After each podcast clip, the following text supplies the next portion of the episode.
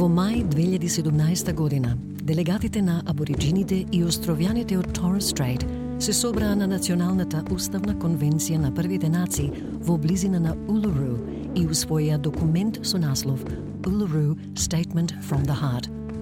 Документот предлага промена на Уставот на Австралија, признавање на првите нации на Австралија во Уставот и придвижување напред засновано на вистина, правда и самоопределување собрани на Националната уставна конвенција во 2017 година. Доаѓајќи од сите точки под јужното небо, ја даваме ова изјава од срце. Нашите абориджински племиња и племињата од Torres Strait беа првите суверени нации на австралискиот континент и соседните острови и ги поседувавме според нашите собствени закони и обичаи. Ова го направија нашите предци според нашата култура од создавањето, според обичајното право од памти век и според науката пред повеќе од 60.000 години. Овој суверенитет е духовен поим.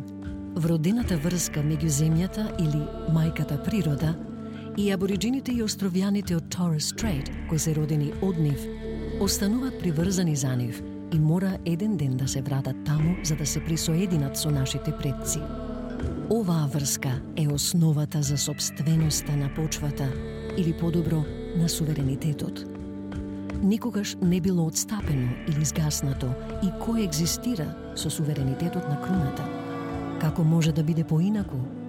Како може народите да поседуваат земја 60 милениуми и оваа света алка да исчезне од светската историја само во последните 200 години. Со суштинска уставна промена и структурни реформи, ние веруваме дека овој антички суверенитет може да блесне како посеопфатен израз на националноста на Австралија.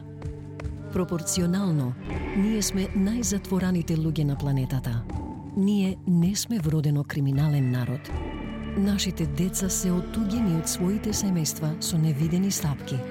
Ова не може да биде поради тоа што немаме љубов кон нив, а нашата младина пропаѓа во притвор во неверојатни бројки. Тие треба да бидат нашата надеж за иднината. Овие димензии на нашата криза ја кажуваат јасно структурната природа на нашиот проблем.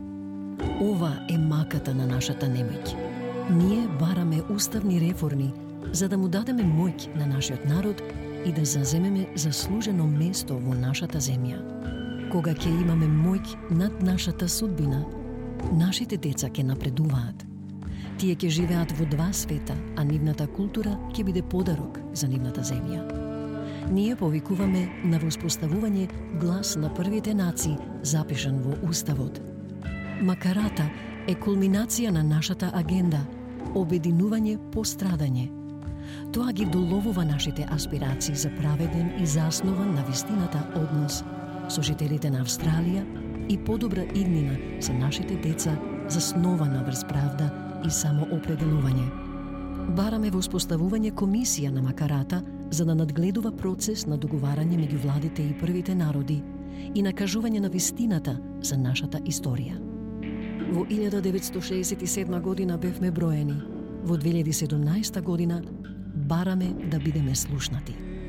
Го напуштаме кампот каде што бевме базирани и го започнуваме нашиот од низ оваа огромна земја.